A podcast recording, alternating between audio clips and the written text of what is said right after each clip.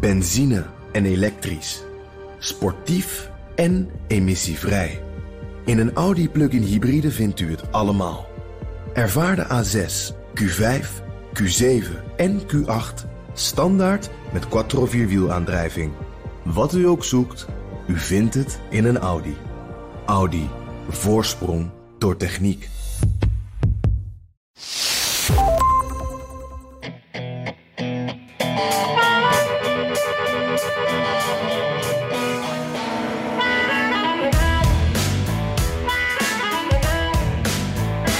Senaatzetel in één staat, daar ging het deze week om. Georgia had de keus niet tussen de dominee en de koopman, maar tussen de dominee en de topsporter. En de dominee won, Raphael Warnock. De predikant van Martin Luther King's beroemde Ebenezer Baptist Church in Atlanta versloeg American footballster Herschel Walker. And after a hard fought campaign,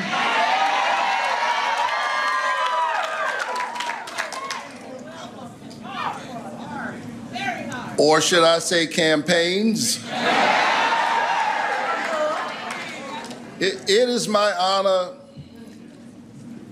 to utter the four most powerful words ever spoken in a democracy. The people have spoken. Aan de campagne voor deze ene senaatzetel is 335 miljoen dollar uitgegeven. Een onvoorstelbaar bedrag. Het was bijna net zoveel als Mitt Romney, die het in 2012 opnam tegen Obama, voor zijn totale landelijke campagne uitgaf. Maar, zeggen de Democraten, het was elke cent waard. Dit is aflevering 157 van de Amerika-podcast. Mijn naam is Bernard Hammelburg in de studio met een beker verse koffie onder het wakend oog van Jury. Ja, gelukkig, die is er weer bij. Uh, ik ben Jan Posma. Uh, ik zit zoals gebruikelijk aan mijn eettafel in Washington. Ook met een volle beker koffie. Dat mag ook wel, want het is nog best vroeg hier.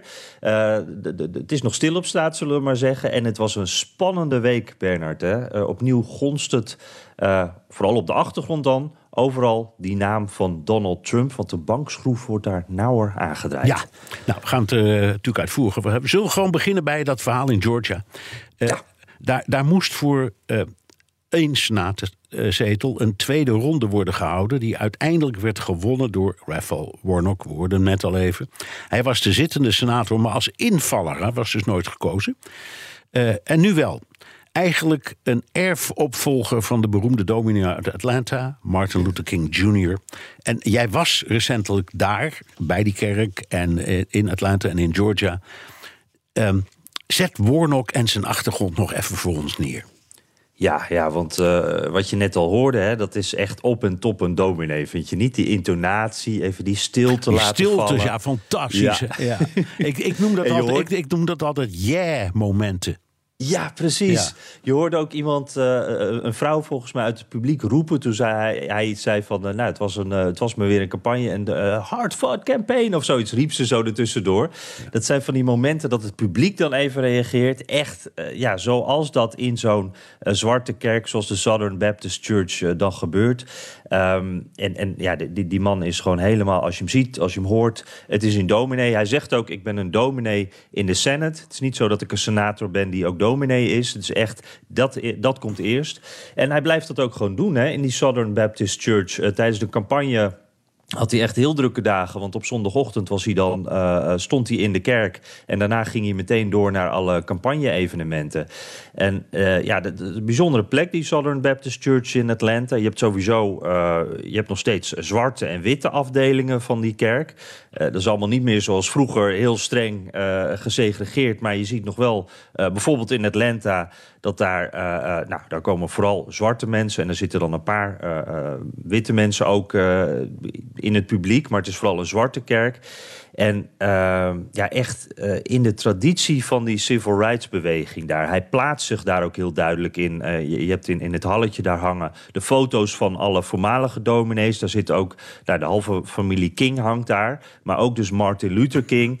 En je, je hebt... Um, een soort kastjes heb je daar staan met allemaal dingen uit het verleden. Over, over campagnes in het verleden waar Martin Luther King dan betrokken bij was. En dan staat er zo'n bordje vote bij naar het nu. Um, en ja, hij, hij, deed het ook in zijn overwinningstoespraak. Hè, zichzelf zo plaatsen in die traditie. Um, we weten natuurlijk hè, dat, dat uh, in een staat als Georgia, in, uh, in, het zuiden van Amerika in het algemeen, daar waren de zwarte Amerikanen eeuwenlang de, de landarbeiders die, die, op de katoenvelden, de tabaksplantages moesten werken. Uh, ook Warnock's moeder. She grew up in the 1950s in Waycross, Georgia, picking somebody else's cotton and somebody else's tobacco. But tonight she helped pick her youngest son to be a United States Senator. Ja, ik, uh, Bernard, ik ben, ben, een beetje een zakker voor dit soort teksten hoor. Want ik, ik, ik weet dat het natuurlijk, hier zit ook een campagne denken in. Het is wel een heel mooi verhaal om het zo te vertellen, heel mooi gezegd. Maar ik, ik, ik val daar ook wel voor. Ik vind dat wel mooi. Zo'n, ik ook. Ik, ook. ik vind het prachtig gevonden ook. Uh, die moeder die vroeger op het land moest ploeteren. En nou eindelijk, en, en op dit moment haar zoon senator ziet worden. Voor, het is ongeveer een van de hoogste beroepen die je kunt bereiken. Het is, uh, ja. Dit is een successtory van de zwarte beweging. En dat mag je best even even met trots vertellen. Ja, vind ik ook. Zeker op die plek en uh, met die achtergrond. En uh, um, ja, wat ook wel interessant hierin is, um, want zijn tegenstander, Herschel Walker, ook een zwarte man, net als Warnock. ook een succesvolle zwarte man, ook van eenvoudige kom af. ja, die mannen die lijken op dat punt op het eerste gezicht heel erg op elkaar. Maar verder zijn het qua kandidaten compleet elkaars tegenpolen. Um, en, en het was wel interessant om daar ook te zien wat bijvoorbeeld voor rol geloof daarin speelde. Want uh, ik was ook bij zo'n campagnebijeenkomst van Walker. Um, en uh, nou ja, die was in opspraak hè, vanwege abortussen uh, waar hij voor betaald had bij ex-vriendinnen. hij had een paar kinderen heeft hij rondlopen die hij niet erkend had en verzwegen had. Uh, zijn eigen zoon is ook echt uh, heel boos op hem. Die uh, zat meteen op Twitter met een reactie van, nou, ja, over, over het verlies van zijn vader. En dat, dat was allemaal niet zo positief. Dus dat zijn dan de verhalen die je van hem hoort. Maar als je hem dan hoort praten, ik wou bijna zeggen preken, want bij, bij Walker is het ook preken. Dan gaat het alleen maar over het geloof. En daarin wordt dan die predikant van toch de bekendste kerk van heel Atlanta, in ieder geval van heel Georgia, die zet Walker dan neer als een man die eigenlijk de Bijbel niet kent, die het allemaal niet snapt, als een elitaire Washington-figuur. Ook al zit hij er nog maar twee jaar in, in Washington, die Warnock, die eigenlijk alleen maar met dure pakken bezig is en eigenlijk alleen maar, ja, het was ook zo'n tekst van hem die hij bleef herhalen. 96% van de tijd stemt Warnock mee met Biden en die andere 4% is hij zijn boek aan het verkopen. Zo werd hij neergezet. Dus geloof speelde daar een hele lang, belangrijke rol bij. Uh, en, en, maar wel op allebei een hele andere manier. Waarbij je, ja, je zou het van tevoren niet verwachten... dat de dominee op die manier wordt aangevallen door een topsporter. Dat is fantastisch. Oké, Jan, de politieke kant van dit verhaal. Want het was voor ja. de Democraten echt een grote overwinning. Want nu hebben ze in de Senaat 51 zetels tegen 49 voor de Republikeinen. En het was 50-50. En dan, en dan kon vicepresident Harris de doorslaggevende stem bepalen. Maar dat hoeft niet meer. Want ze hebben nu gewoon een echte meerderheid. Ehm, en ehm, als ze dus wel meestemt, Kamala Harris, om wat voor reden ook, dat mag ze, ze is voorzitter van de Senaat, hebben ze een meerderheid van 52 zetels tegen 49 republikeinen. Waarom is daar nou zoveel aan gelegen? Want in de vorige configuratie hadden ze met Kamala Harris ook al een meerderheid. Ja, precies. Ik, ik dacht trouwens dat, dat, de voorzitter alleen mocht meestemmen, Kamala Harris dus alleen mocht meestemmen als het 50-50 was, toch? Oh, als dan, dan, als, als, ja, dat weet ik. Je kan gelijk hebben hoor. Als, uh, dan, als is het doorslaggevend. Dan is het doorslaggevend. Ja, ja precies. Maar ja, dat is wel. En het is op dat punt ook uh, ergens wel een beetje jammer voor haar. Want nu verdwijnt ze helemaal een beetje uit beeld. Hè? Nu komt ze om de ja. zoveel tijd kon ze nog naar Capitol Hill. Cap, Kamala, Kamala Who. Ja, precies. En, en, ze was al een beetje uh, onzichtbaar. Maar dit, waren de momentjes waarop ze zichtbaar en belangrijk was. Nou, die zullen er waarschijnlijk niet zoveel meer voorkomen. Uh, want in ieder geval wat heel erg helpt is dus... Um, Als er nu een democratische dwarsligger is, uh, dan is dat eigenlijk nog geen probleem. Dan kan Kamala Harris altijd nog inspringen, want dan is het nog steeds 50-50. Uh, en dan uh, kunnen democraten hun plannen er nog steeds door de Senaat krijgen. Dus dat scheelt. die, die Joe Manchin en Kirsten Sinema en dat soort wat meer dissidente democraten... die hebben toch wat minder invloed nu. daar kan wat meer onderhandeld worden voordat die echt helemaal dwars gaan liggen, denk ik. En wat ook echt enorm meespeelt, dat hoor je die democraten democraten nu ook allemaal zeggen. Um, zij kunnen nu de voorzitters in de commissies uh, aanwijzen. Toen het nog 50-50 stond, toen moesten ze in de Senaat eigenlijk uh, onderhandelen. Uh, moesten, ze met, moesten ze met Mitch McConnell samen kijken, een, beetje polderen eigenlijk. Van wie wordt nu de voorzitter? Hoe gaan we dit doen? Wie heeft nu de leiding? Welke regeltjes gaan we volgen? Wat is de agenda? Dus dat was een enorm gedoe. En nu hebben ze heel duidelijk de meerderheid en dus hoeft dat allemaal niet meer. Nu kunnen ze gewoon zeggen, wij zijn eigenlijk de, de baas en wij gaan dit doen. En bijvoorbeeld als ze een hoge ambtenaar of, of een rechter moeten benoemen, wat natuurlijk heel belangrijk is, een belangrijke taak van de Senaat, dan kan dat veel makkelijker door die commissies. Dus ja. daar hoor je echt veel over. Ja. En, en, en, um, Chuck Schumer, dus de, de, de fractieleider, die, wordt nu, die is en blijft nu gewoon de belangrijkste man van de Senaat. Ja, precies. Dus die, uh, en die, die heeft het dus ook even net wat duidelijker, want die heeft nu duidelijk uh, ook die meerderheid. En, en, je ziet ook dat in het Witte Huis en bij de Democraten, Schumer is daar ook natuurlijk bij betrokken, dat ze daar al mee bezig zijn, al een tijdje om daar een tactiek voor te bepalen. Biden had wel gezegd van eerst moeten we die verkiezingen winnen, pas daarna wil ik er echt over gaan praten. Maar ze zijn aan het kijken hoe ze dit nu het beste kunnen verzilveren op Capitol Hill. En ook hoe, daarnaast hoe ze de successen in deze campagne ook kunnen toepassen in 2024. Hè? Want bijvoorbeeld Georgia, dankzij die infrastructuur die Stacey Abrams, die gouverneurskandidaat die verloren heeft, uh, daar namens de Democraten heeft neergelegd, uh, dat heeft ze enorm geholpen. Dus uh, Schumer, Biden, alle Democraten zijn daar ook mee bezig. Hoe gaan we dit op Capitol Hill en hoe gaan we dit in 2024 verder verzilveren? Ja, daarover spreken in 2024. Ik heb de indruk dat de Democraten toch een heel klein beetje zorgelijk zijn over die volgende verkiezingen. Want dan gaan er weer 34 van de 100 senatoren worden gekozen. Uh, maar statistisch hebben de Democraten dan een achterstand. Want er worden meer Republikeinen herkozen of gekozen dan Democraten. En het kan dus, dus best zijn dat dit, dit succes echt maar twee jaar duurt. En, en uit wat ik lees en hoor is dat ze daar echt ja, geknepen billen een beetje.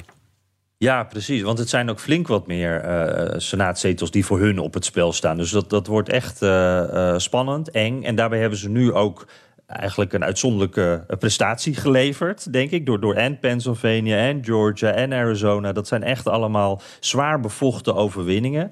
En ik heb ook wel een beetje het gevoel, Bernard, dat dat democraten... Ja, je, kan ze het misschien niet kwalijk nemen... want ze hebben net uh, uh, dit binnengehaald. Dus natuurlijk zijn ze blij, maar dat ze zich wel een beetje te rijk rekenen. Want je, je, hebt deze situatie dan voor 2024. Dus het is maar voor een korte periode. En als je kijkt naar die komende twee jaar.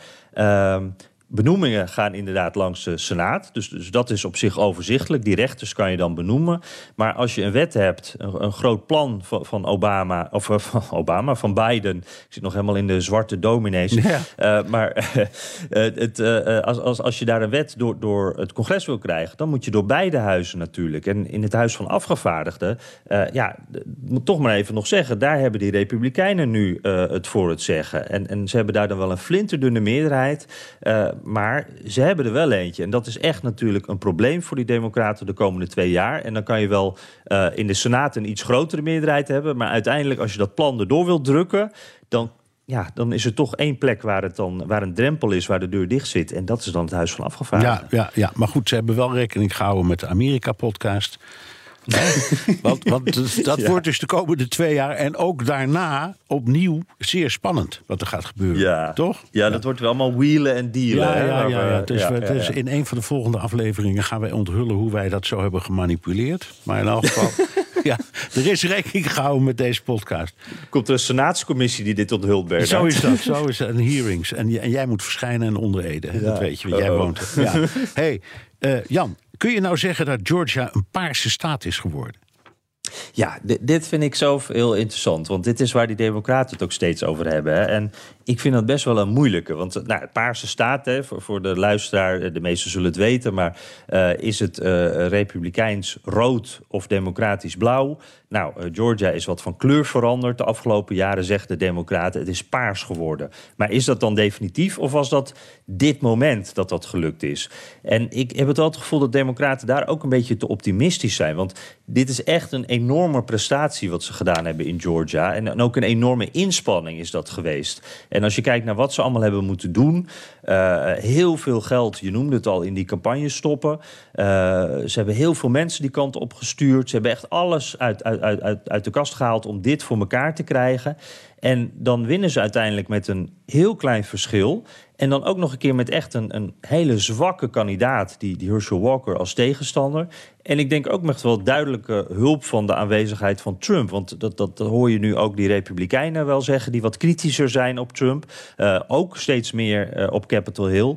Uh, die, die, zeggen ook wel van ja, maar Trump, de, de aanwezigheid alleen al ja, de, de, geest van uh, Trump die boven die uh, races hangt... Uh, dat heeft echt voor gezorgd dat die democraten gemotiveerd zijn geweest om te gaan stemmen. En het ging allemaal om de opkomst in Georgia en ook in al die andere staten. dus, dus Trump ja, die, krijgt het er ook wel van langs. En dat zijn allemaal dingen waarvan je kan zeggen... ja, over bij de volgende verkiezingen in Georgia is dat er dan nog steeds. Ja. Uh, en dat is wel. En, en dan kan je wel, want twee jaar geleden hebben ze voor Biden gekozen. Ze hebben nu dus uh, de, twee keer. Uh, nou, twee jaar geleden waren er twee senatoren democraten en nu weer een democratische senator. Dus daar is echt wat aan de hand.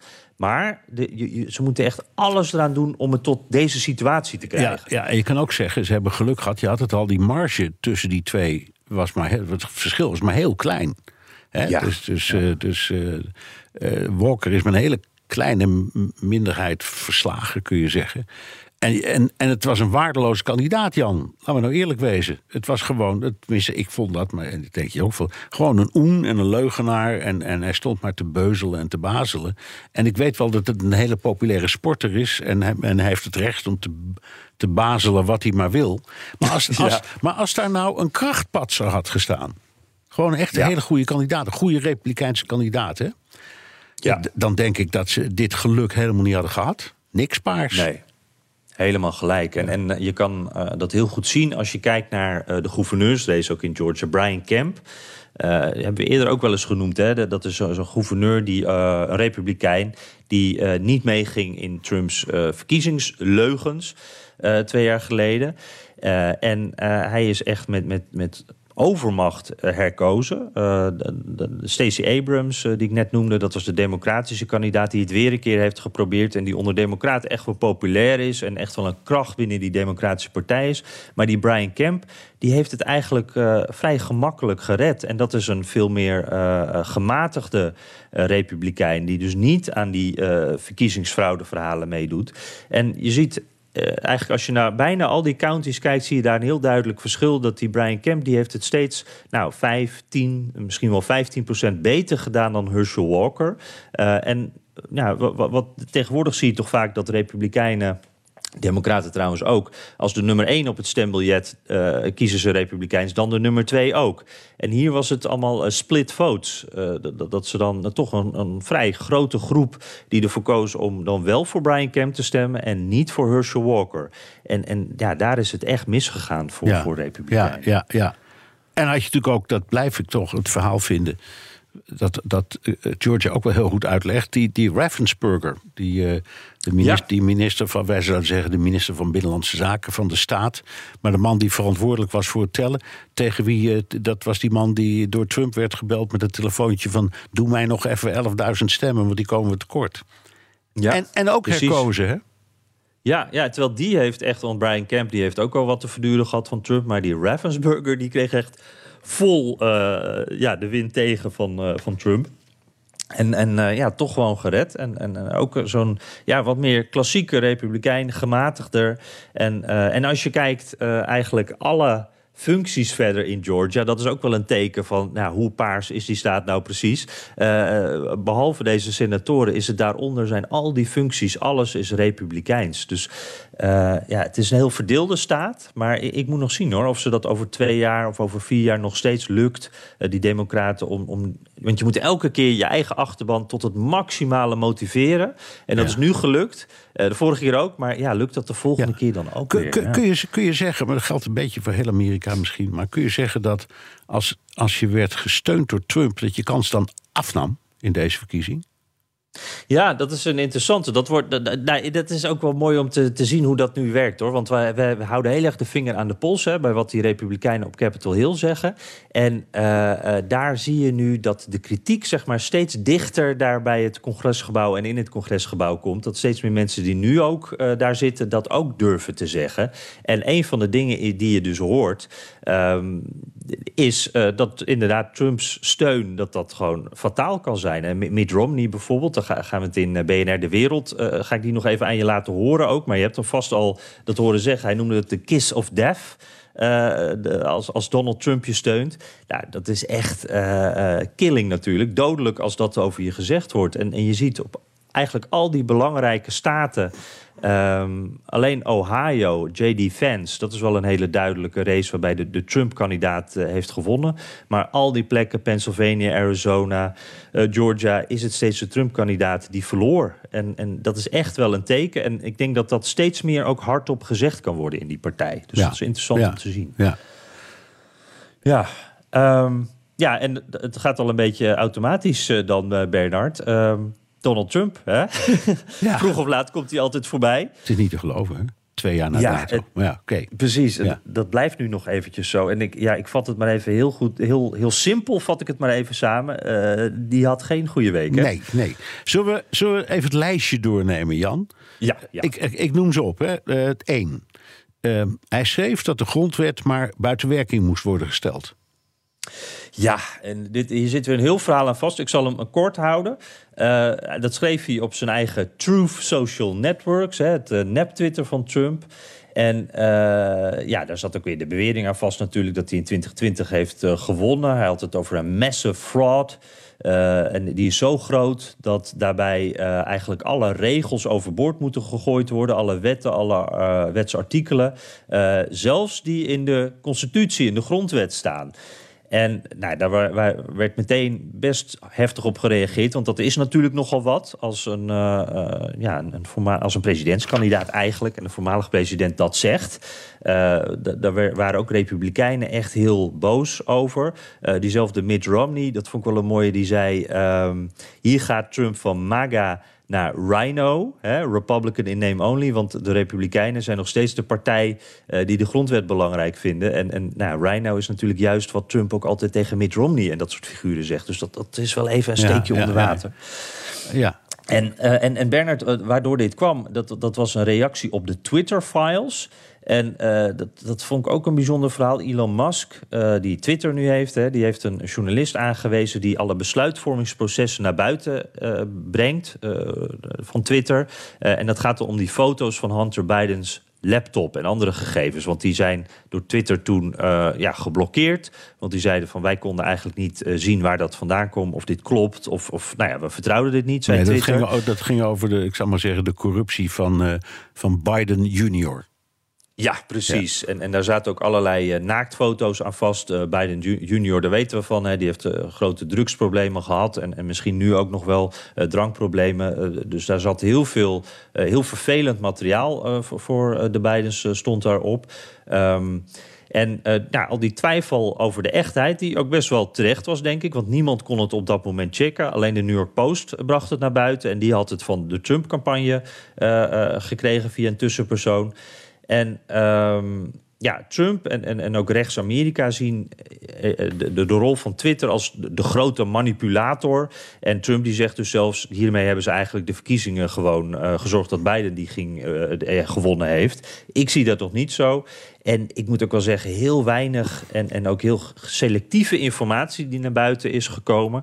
Uh, waaronder die journalisten die, dat dus naar buiten brengt, die ook zegt van uh, ja, ik heb geen overheidsbemoeienis gezien. En hij zegt ook, uh, beide partijen deden allerlei verzoeken om dingen te blokkeren. En ik moet zeggen, ja, als er naaktfoto's op Twitter rondgaan, uh, ja, dan, dan is het niet zo gek dat een, uh, een campagne of, of, mensen rond die persoon dan vragen om dat uh, offline ja, te halen. Denk ja, ik. precies. Ja, dat, Ja. Dat, is, dat, dat, dat is meer fatsoen dan censuur, zo gezegd. Ja, dat, Ja. dat is eigenlijk denk ik de samenvatting. En ik noem dit allemaal even omdat dit dus onder rechts-Amerika was dit het verhaal van de week. En, Ja. en zelfs op Fox News ging het op verkiezingsavond hierover. het dus vandaar dat ik het eventjes ja, zo neerzet. Ongelooflijk, dat viel mij ook op. Oké, ehm, dit was dus de grondwet. Nu Jack Smith. Een, de- een gewonere naam kun je bijna niet vinden, denk ik, in Amerika. Maar, maar zijn functie is echt extreem. Dat is de speciale aanklager. En die laat er geen gras over groeien. Zeg ik zo goed? Ja, zeker. Ja, dat is nog, nog eufemistisch, denk ik. Ja, die, die gooiden er deze week eh, wat dagvaardingen uit. Eh, dat is voor mensen die eh, de verkiezingen regelden in, in Arizona, Michigan, Pennsylvania, Wisconsin. Dus echt de swing states. En die wil weten hoe de Trump-campagne heeft gecommuniceerd met ja, de lokale officials, zeg maar. Dus wa- wat in Georgia is gebeurd met dat telefoontje. Wat voor vergelijkbare dingen zijn er in die andere staten gebeurd? En eh, ja, dan is er nog dat Mar-a-Lago-onderzoek waar hij ook mee bezig is. Er zijn net weer twee nieuwe vertrouwelijke documenten gevonden in een opslagplek eh, in Florida. Ja. Eh, de, de, de, Trump, eh, Trump-team zelf heeft meerdere, ja, eigenlijk gewoon een soort huiszoekingen gedaan bij Trump en bij alle plekken. Omdat ze echt zeker moesten weten dat er echt geen papieren meer lagen. Want eh, ja, anders zouden zij de verlangs krijgen van de rechter. En er zijn dus toch weer twee vertrouwelijke documenten gevonden. Dat gaat nog steeds door, dat onderzoek. En ja, dat lijkt me ook wel het, het, het juridisch nog steeds het gevaarlijkste. denk je ook niet, Bernard? Ja, Want zeker. dat, want, want zeker, want als, als uit die documenten blijkt dat hij staatsgeheimen achterover heeft gedrukt, en dan, dan is dat een ernstig misdrijf. Eh, dat wordt, dat wordt, het het is het natuurlijk niet, maar het wordt ehm, in, in het recht op dezelfde manier gezien als bijvoorbeeld spionage. Eh, omdat de vraag is, ja, waarom doe je dat? Waarom deponeer je die documenten niet waar ze horen? Of bij het ministerie van Justitie als het staatsgevaarlijk is? Of bij ehm, de, het eh, archief waar het hoort? Dat staat ook in de regels en in de wet. Ehm, eh, of je benadert de betrokkenen als je denkt: hier is iets wat ik voor het vaderland kan doen. Ik noem maar wat op. Maar hij heeft ze dus verstopt. En de vraag is waarom. En nou ja. Eh, dit, dit, van alle andere, de, alle andere dingen zijn smeuig, maar deze lijkt me juridisch het grootste probleem. Ja, ja, ook omdat er duidelijk iets niet goed is gedaan door Nee. Trump en eh, de mensen om hem Nee, heen. nee, nee. Nou ja, dan, da- Er, was, er was een special master aangesteld. Hè, om, Ja. te, om te kijken wat nu wel en niet in mocht worden gezien van die documenten. En die heeft eh, Jack Smith weggetikt. Hè? Ja, ja dus eh, Smit die heeft eigenlijk gezegd... eh, eh, ja, er is een nieuw sheriff in town, ik ga dit doen. En dat is ook echt heel vervelend natuurlijk voor, voor Trump. Want die, die special master, dat was nog iemand die, die vertraagde het hele proces in ieder geval nog. En wat eruit zou komen, dat was ook nog maar... maar het was echt een soort extra moeilijkheidje voor het onderzoek. En dat is nu eigenlijk ook weggevallen. Ja. En ja, dan hebben we ook nog de 6 januari commissie. Hè? Dus daar neemt Jack Smith ook, ja, als daar beschuldigingen komen. En we hebben gehoord, eh 21 december komt het rapport. En dan komen er ook, eh, eh, ja, er wordt er ook gestemd door die commissie over verwijzingen naar justitie. Dus zijn er dingen die eh, ja, zijn de wet overtreden en is er dus een reden om een verwijzing naar justitie te sturen door die commissie. Eh, dat gaan we dan horen. En ja, we hebben ook gehoord, ze zijn, ja, het, het gonst daar echt een beetje dat Trump toch echt zeker het middelpunt van het onderzoek is. Weet alleen niet of daar ook een eh, ja, justitiële verwijzing voor Nee, oké. volgende hoofdstukje. Allemaal eh, Ja. in, in eh, ik zal maar zeggen, aan de, nou ja, aan de slechte kant van de balans. Of, om in Trump's term, eigen termen te denken. Eh zijn belastingaangifte. Eh, jarenlang smoesjes. eh, ik, word, ik word geïnspecteerd. Of eh, ik, ik mag het niet, maar ik wil het wel. Of ik ga het wel doen, maar je moet nog even wachten. Uiteindelijk heeft hij het al die jaren weten tegen te houden. Dat die belastingaangiften zouden worden openbaar gemaakt. En nu? Ja, en, nu is dat dus ook eh, eh, vrijgegeven. In ieder geval naar eh, die commissie van het Huis van Afgevaardigden. Ik dacht de Ways and Means, eh, Means commissie die daar onderzoek naar doet. en die daar dus al jaren mee bezig is.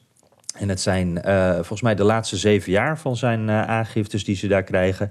En eh, nou, het is nog maar de vraag wat daarvan naar buiten komt voor ons journalisten en voor, voor het publiek. Maar we weten in ieder geval dus dat daarnaar gekeken wordt. En, en dat is iets wat hij zo lang heeft tegengehouden. Eh, dus dat is ook iets om in, het te in de gaten te houden. Ja. Eh, ja, en, en dan hebben we ook nog de Trump Organization, hè? Ja, ja. Die, want, want die is veroordeeld door de rechter. Ja, precies. Dan, dan maken we het rijtje even helemaal af. En daar zal hij ook wel flink van balen. Er zitten een beetje twee kanten aan, denk ik. Uh, dit ging over dat verhaal hè, dat, die, uh, uh, dat ze eigenlijk de, de belasting ontdoken hebben door werknemers, in ieder geval die, die ene werknemer, flats te geven, auto's, schoolgeld voor de kinderen, ik geloof zelfs voor de kleinkinderen. en dat werd dan allemaal, daar werd geen belasting over betaald. Allemaal strafbare feiten is nu door de rechtbank bepaald. Uh, maar het, het, dubbele hieraan is uh, sowieso dat uh, Trump gaat nog in hoger beroep, de Trump Organization. dus dat duurt nog wel weer even. En dit gaat niet over Donald Trump zelf, dit gaat alleen over zijn bedrijf. En daar staat dan een, een boete voor van een paar miljoen. En daar lachen ze denk ik om bij de Trump Organization. Het enige wat het echt vervelend voor Trump maakt op dit moment is dat het zaken doen daardoor misschien wat lastiger wordt. Dus ja, uh, het is wel een veroordeling. En ik denk echt dat, dat Trump, die is deze dagen uh, over heel veel dingen chagrijnig, maar hier ook zeker over. Maar het is niet dat we nu meteen Trump achter de tralies gaan zien of dat soort dingen. Nee, dus, ik, ja. was, ik was ook, ook een beroep gegaan hoor, als ik hem was, of hun was. Want dat is, uh, ja, de, de, de, Trump heeft zelfs in zijn boek beschreven hoe goed hij daar is, is in het traineren van zaken. Dus ja, dat doen, ja. Ze, dat doen ze hier gewoon ook weer, toch?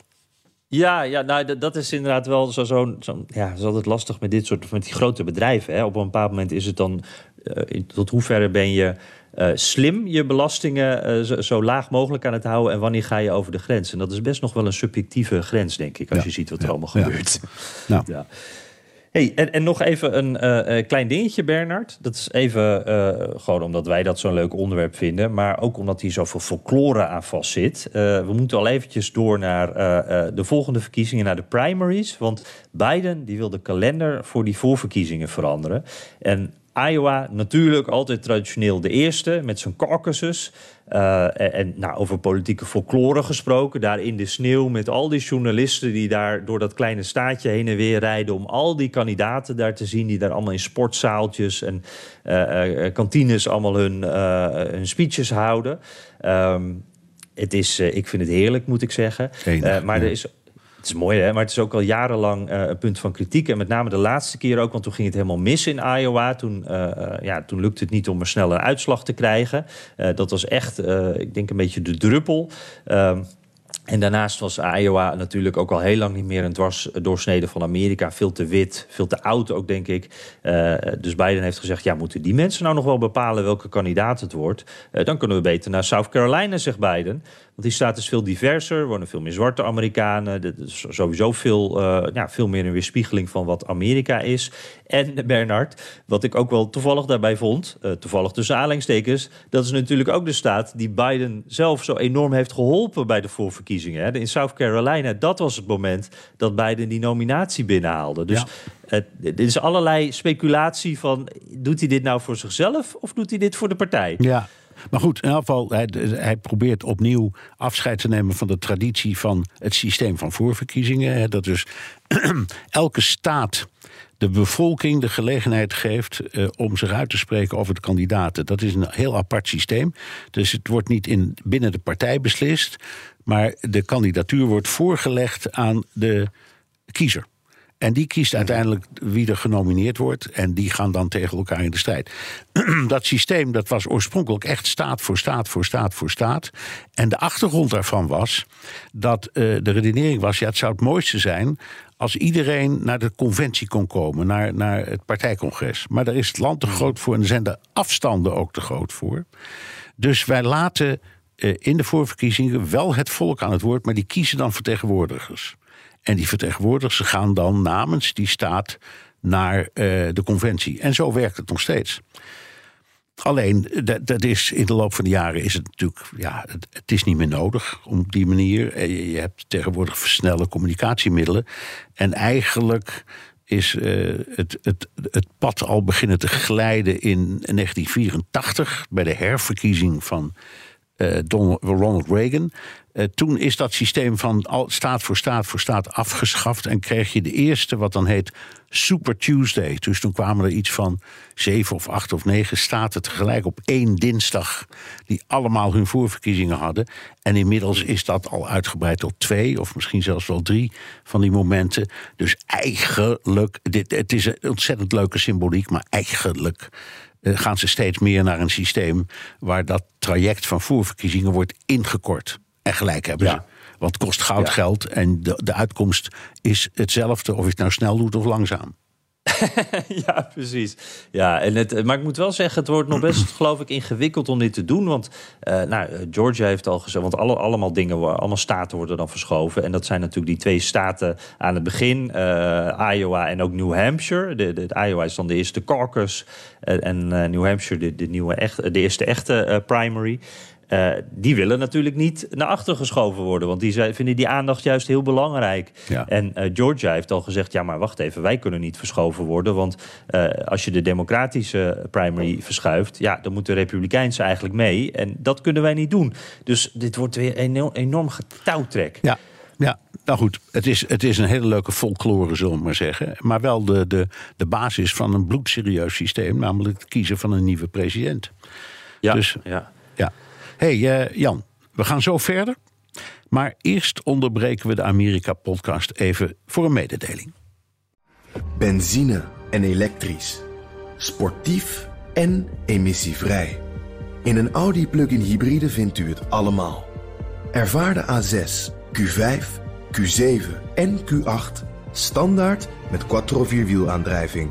Wat u ook zoekt, u vindt het in een Audi. Audi. Voorsprong door techniek. Jan, zullen we naar de luisteraars vragen? ja laten Ja, we die dat zijn dus, eh, welkom, even doen. welkom via de mail of via de Amerika Podcast WhatsApp.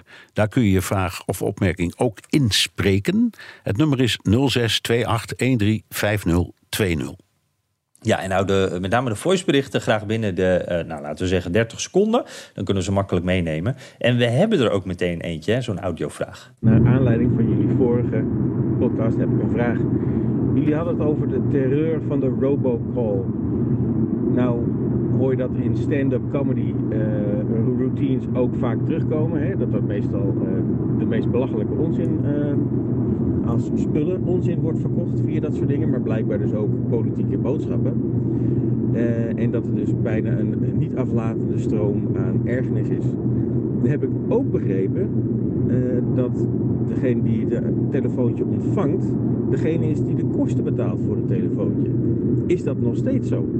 Want dan heb je dus eigenlijk een enorme eh, trap na, dat je en wordt gestoord met een boodschap waar je zit, niet op zit te wachten, en je krijgt ook nog eens een keertje de rekening gepresenteerd. Ik ben heel erg benieuwd of eh, dat tweede deel van de ergernis dan ook klopt. Ja, Jan, was hij te verstaan? Ivan Ebbing? Ja, ik, ik zou net zeggen, eh, excuus voor de geluidskwaliteit. eh, Ivan zit in de auto in de auto mij. zitten. Maar Dus, goed, de, eh, de ja, vraag, ja, ja. ik herhaal maar even. Je krijgt inderdaad robocalls. Dus je, wordt, je telefoon gaat en er komt een bandje. En dat zegt, eh, weet je wel dat je verzekering verloopt. Je moet hem snel opnieuw dit knopje indrukken en dan opnieuw afsluiten.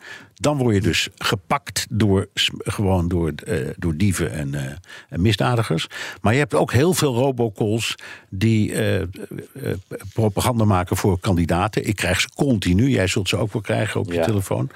En dan heb je robocalls van mensen die... daar hoor je niks. Dan gaat de telefoon en je pakt hem op. En dan hoor je niks, blijf je een tijdje luisteren. Dan loopt die verbinding. En er is inderdaad een verhaal dat, dat, op, op dat, dat je dat op, op dat moment als luisteraars oppikker al gaat betalen. Maar veel belangrijker is dat als je niks hoort. ehm, dan op een bepaald moment denk, dan denk je, hey, ik heb iets gemist of er is misschien iets misgegaan. Weet je wat, ik bel even terug. En dan pakken ze je big time. Want dan Ja. bel je zelf en dan rekenen ze eh, 20 of 30 of 40 dollar per seconde, ik noem maar wat. Dus dan ga je echt de bietenbrug op. Het is een hele bekende.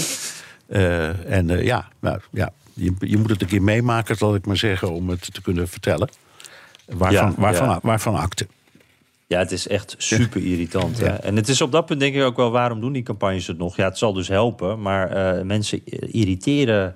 Ja. De irritatie is heel groot, laat Ja. ik het zo zeggen. Dat, en, en je kan tegenwoordig ook, eh, zag ik, er zijn allerlei rechtszaken, omdat het dus ook illegaal is eigenlijk. Eh, eh, dus je kan er ook nog geld mee verdienen. Als je googelt op geld verdienen en robocalls, dan krijg je allerlei mogelijkheden om 1000, Ja. 1500 dollar of Ja. zelfs meer binnen te Maar halen. het, is al, maar het is al jarenlang gewoon verboden, wettelijk verboden en strafbaar. ja. En eh, ze vinden altijd door. methodes. Ja, ik bel ook wel eens zo'n nummer terug en dan krijg je een bandje dat zegt: dit nummer bestaat helemaal niet. Ja, Ja, en, en krijg je dan, heb je dan wel eens ook dus een rekening binnengekregen... dat je dan eigenlijk voor een dollar per minuut terug aan het bellen was? Of ja, dat is, mij, is mij ook gebeurd. Yes, sir. Ja. Nou, dus wees gewaarschuwd. Ja. ja, zeker. hey, uh, Pim Vos, um, uh, vaste luisteraar... Uh, en uh, ja, ja, die heeft een vraag over Georgia, wat ik zelf ook een interessante vond. Hij zegt van, ja, het is eigenlijk best wel een gek systeem. Want bij de eerste keer heb, heeft daar dan, als een van de kandidaten niet de 50% haalt...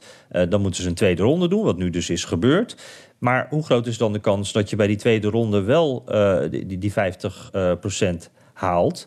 Um, ja, wat voor idee zit er eigenlijk achter zo'n tweede ronde? Want ook niet elke staat heeft dat. Nee, nou eerst, jij mag, uh, jij mag vertellen hoe, waarom ze het in Georgia zo hebben. Maar wiskundig is dit gewoon uh, heel simpel. Als je met z'n tweeën gaat om iets van 100% dan heeft de winnaar volgens mij altijd meer dan 50. Ja, ja? ja, en, en in dit dus, geval hadden we in de eerste ronde hadden we een derde kandidaat. Precies, was nog een andere kandidaat bij. Weg. Ja, maar in dit geval twee mensen met 100% heeft de winnaar altijd meer dan de helft.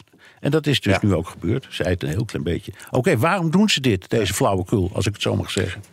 Ja, ik, ik, want ik vroeg me dit zelf ook af. En toen zag ik uh, gisteren of eergisteren een heel interessant artikel hierover in de Washington Post staan. waarin ze dit helemaal uitlegden. En, en wat blijkt, zoals zoveel uh, oude wetten in het zuiden van Amerika. zit hier ook een uh, ja, racistisch motief achter. Er zijn twee staten die dit doen. Uh, je hebt uh, um, ook bij de voorverkiezingen zijn er meer staten die dit systeem hebben. Maar bij de echte verkiezingen zijn er twee staten die runoffs hebben. Dus met een tweede ronde erbij als je niet 50% haalt. En in Georgia stamt dat uit 1964. En dat komt door een meneer Denmark Grover, mooie naam. En die verloor op een bepaald moment zijn herverkiezing. En die gaf toen zwarte kiezers de schuld. Want zei, nou, dat was eigenlijk de reden dat hij het niet gehaald had, omdat te veel zwarte mensen hadden gestemd. En toen heeft hij dit systeem erdoor gekregen om dus een tweede ronde te doen. En dat is eigenlijk een manier om die zwarte kiezer het moeilijker te maken. Want de gedachte is, uh, dat was toen al en dat is eigenlijk nog steeds wel zo. Dat zijn vaak mensen die uh, hebben uh, minder goede middelen om naar zo'n kieslokaal te gaan. die zitten vaker vast aan hun werk, dus kunnen niet even tussendoor gaan stemmen. Dus het is gewoon moeilijk om te stemmen. En als je dan de eerste keer wel kan stemmen, dan wordt het vaak de tweede keer al echt lastiger om weer vrij te krijgen.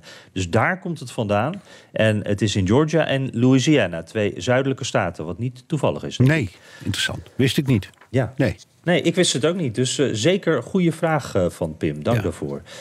Hey, uh, Ruben Bakker dan. Um, wat kunnen jullie zeggen over de samenwerking tussen de Amerikaanse president en zijn ministers? Hoe vaak spreken ze ja. elkaar? Ja. En waarover kan de minister zelf beslissen? Ja. ja. het antwoord is dat is totaal anders dan bij ons. Een totaal kabinetsberaad, volledig kabinetsberaad komt zelden of nooit voor. Er zijn wel gelegenheden hoor, waarbij de president zijn hele kabinet oproept. Maar meestal praat hij met groepjes. Laten we zeggen met defensie en buitenlandse zaken dat is logisch. Um, of maar met één van zijn ministers. En het zijn, daar komt het weer, het zijn ook geen ministers, het zijn secretarissen. He, ze heten ook de Secretary of State en Secretary of Defense. Want de president is in zijn eentje de, de uitvoerende macht. Dus die, die, die, het kabinet is een groep van adviseurs. En heeft geen eigen ministeriële verantwoordelijkheid. Dus, mm -hmm. dus het systeem van een kabinetsberaad, waar wij zo aan gewend zijn, dat bestaat in Amerika helemaal niet. Er zijn, er zijn, er zijn ministers die, die zo'n president tijdens een termijn misschien zeven keer spreken. oh, dat is wel echt heel anders ja, dan in Nederland. Ja, compleet anders. Ja, ja, ja, mooi. Dankjewel, Ruben. Uh, Herman dan, die zegt... Uh, ja, op een vraag van mij om iets te vertellen over Mike Pence... werd deze man door jullie nogal afgeserveerd op ethische punten. Tussen, uh, tussen haakjes, ik ben pro-life. Maar na een recensie van zijn boek gelezen te hebben, komt hij op mij dus betrouwbaar en zeer fatsoenlijk over. Dat mag toch ook benoemd worden? Zou u daar eens wat van kunnen zeggen? Dat ja, lijkt me wel zo even wichtig. Ik trek het, volgens mij hebben we dat ook gedaan. Um, en je kunt zeggen, hij werd afgeserveerd op ethische punten en pro-life. Ja, maar ik weet ook nog waarom. Omdat uh, dat was heel omstreden. Toen hij gouverneur was van uh, Indiana. Uh, toen werd er een wet aangenomen in het staatsparlement die hij heeft getekend. En die luidde dat als een vrouw abortus pleegde, dat ze dan verplicht was om naar de begrafenis of de crematie te gaan van, uh, het, uh, het, van de vrucht, zou ik maar zeggen. En eh, dat, dat, dat, dat was een ontzettende rel. En dat is naar de Supreme Court gegaan, het Gerechtshof. En dat heeft terecht gezegd: ja, je bent gek geworden. Dat mag helemaal niet. Dus het, het geeft aan, je mag best uh, anti-abortus zijn of pro-life. Ik vind, je noemt het mooi, het noemen wel. Maar het gaat ook om fatsoensnormen en de manier waarop je, de, de manier waarop je zoiets toepast. Daar ging het over. En ik ben het overigens helemaal met uh, Herman eens. In dat boek komt inderdaad een, een, een hele keurige, fatsoenlijke manier naar voren. Uh, erg mhm. conservatief, maar mag hij alsjeblieft. Uh, en dat is het. Maar, maar ik zeg op dat punt van, van uh, abortus ging het mij helemaal niet om het principe, maar de manier waarop. Ja, ja hij is wel echt een, een hardliner als Keihard, het gaat om ja. abortus en ook homohuwelijk, dat soort zaken. Ja, dus dat, ja. ja. Ja, of dat fatsoenlijk is of niet, dat is natuurlijk aan ieder zelf. Ik denk dat wij, wij hadden het ook, ook erg over zijn opportun, politiek gezien zijn opportunistische gedrag eigenlijk uh, na 6 januari. Dat was volgens mij het belangrijkste punt. Ja, ook van. en, en, en ook ja. dat hij de president, dat hij Trump wel afviel, maar toch niet helemaal. Ja, nou ja, dat is Ja. logisch. Want hij wil natuurlijk, als hij zelf een poging doet, ook die Trumpisten binnenboord houden. Dus Ja, precies. Maar goed, dat is politiek. Ja, ja, ja, ja. ja eh, dank in ieder geval Herman. Ik hoop dat we daarmee eh, in ieder geval voor jou ook het, het evenwicht eh, hersteld, dan wel bevestigd hebben. Ja, Jan, de, de tijd dringt een beetje, dus nou ja, ik zou zeggen, pak er nog één of nog twee. We er nog eentje. Fred Ferdinand, ehm, die is onze oude podcast aan het terugluisteren, Bernard. Dus uit die goede oude tijd, zegt hij. En hij had er nog maar acht niet gehoord. Dus hij had ze eigenlijk bijna allemaal al meegepakt. Ehm, en zijn eerste vraag, eh, ehm, ik zit even te kijken, want heeft, eigenlijk heeft hij de drie. Maar nou, laten we de eerste gewoon even te pakken, eh, pakken. De Democraten hebben officieel ook de zetel in Georgia gewonnen. Stel, ze hadden nu geen meerderheid in de Senaat, maar na januari wel. Dus eigenlijk zegt hij van, stel dat de Democraten eh, in de huidige situatie nog niet de meerderheid hadden, maar ze hadden hem nu binnengehaald. En dan in januari komt het nieuwe congres binnen kan je dan in deze zogenaamde lame duck periode beleid door het huis loodsen en na de wisseling van het congres in januari dus alsnog door de senaat laten gaan? dat vind ik wel een heel mooi trucje. Ja, het antwoord, antwoord is ja. Want er staat nergens dat ze op hetzelfde moment een wetsontwerp in eh, behandeling moeten nemen. Dus het antwoord is ja, dat kan. Het, en het gebeurt ook wel eens hoor. Dat dat wetsontwerp in het ene huis wordt aangenomen en nog heel lang blijft liggen in het andere huis. Dus dat, het antwoord is ja, dat kan. Maar ik denk wel dat het dan lastig is, toch? Want als je dit als trucje wil doen als democraten, dat je ja, echt zegt dat, is, van we gaan nu... dat, is, dat is nooit Ja. handig, want het slaat altijd op jezelf terug. Uiteindelijk krijg Ja. je daar last van. Dat is politiek niet verstandig. Ja, en ik denk dan ook dat eh, Republikeinen in dit geval zouden zeggen... ja, wacht even, dan stuur je het gewoon maar weer even terug. Dan moet het alsnog nu door eh, de, de- die Kamer... Waar, we, waar de Republikeinen nu de meerderheid Ja, hebben. Dus ja. eh, het werkt toch niet helemaal zo. Ehm, even kijken. Eh, oh ja, nou, laten we zijn eh, laatste vraag van Fred ook nog even mee- meepakken. Ehm, eh, wat is de meest bijzondere plek waar jullie deze podcast op hebben genomen? Ja, Den Haag toch? ja, ja met publiek. Ja, we hadden, we hadden, Ja. we hadden een, een, een aflevering die we met publiek, met live publiek hebben opgenomen. En waar nog steeds heel vaak luisteraars op aan refereren die erbij waren. Dat was een heel druk Ja. bezochte avond in eh, Nieuwspoort. Ehm, en eh, eh, in samenwerking met eh, het Haags College. En dat was fantastisch. En we hadden ook een gast meegenomen, Jeroen, Jeroen Krabbe. Jeroen Krabbe, die geweldige verhalen heeft verteld. Die kent Ja. Amerika heel goed. Dus ja, dat, voor mij was dat de leukste. Vind je niet? Ja, vond ik ook. Die smaakte echt naar meer. Dat, eh, want ik moet zeggen, we, we hebben ook allebei wel eh, op eenzame plekjes eh, de podcast opgenomen. Ik heb vaak in, in de auto gezeten. Ja. Ik me een keer in, in Op een vliegveld. Cincinnati dat het buiten koud was. En Ja. mensen liepen langs van wat doet die jongen? En op het vliegveld inderdaad. En, nou ja, nu allebei apart. Eén in de woonkamer, ander in de studio. Zo is het. Ja. Ja, Nou. nou, eh, goed. Leuke vraag. Hey, en daarmee moeten we hem dan denk ik maar afronden. Hè? Want jij moet zo eh, BNR De Wereld eh, gaan, de uitzending gaan doen. Ja, en jij, en jij ook, want dan zit je ook weer En ik in. ook eigenlijk, ja. Ja, ja. Ehm, even kijken. Dus dit, hiermee sluit hem af. Maar nog even één hoogtepunt te gaan. We gaan weer een exemplaar van de klassieke Amerika-podcast Mok weggeven. En Bernard, tromgeroffel. Hij gaat naar eh, Pim Vos. Hij komt naar je toe. Dat was die vraag over de tweede ronde in Georgia. Vond ik een hele leuke. Goed getimed ook. Dus eh, jij krijgt die mok. Ja. Pim Vos in Baren. Hij heeft gelukkig zijn adres opgegeven. Ja. Eh, Dus hij komt naar je toe. Terugluisteren kan via de BNR, BNR-site, Apple Podcast of Spotify. Heb je vragen, opmerkingen, kritiek of complimenten? Dan kan dat ook met een tweet naar Jan Posma USA of BNR De Wereld. Of heel ouderwets met een mailtje naar dewereld.bnr.nl. En je kunt je vragen ook inspreken of intikken op de Amerika Podcast WhatsApp 06 28 13 5020. Ja, en uh, welk platform je ook kiest, zet dus boven je naam ook je adres in de tekst. Want dan krijg jij misschien wel die Amerika Podcast koffiebeker, net zoals Pim. Uh, nou, Bernard, uh, tot volgende week en rennen naar de studio. Zo is dat. Spreek je. Bye.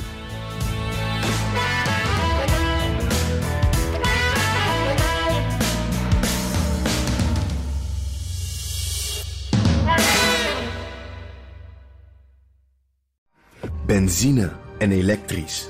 Sportief en emissievrij. In een Audi plug-in hybride vindt u het allemaal. Ervaar de A6, Q5, Q7 en Q8 standaard met quattro vierwielaandrijving. Wat u ook zoekt, u vindt het in een Audi. Audi. Voorsprong door techniek.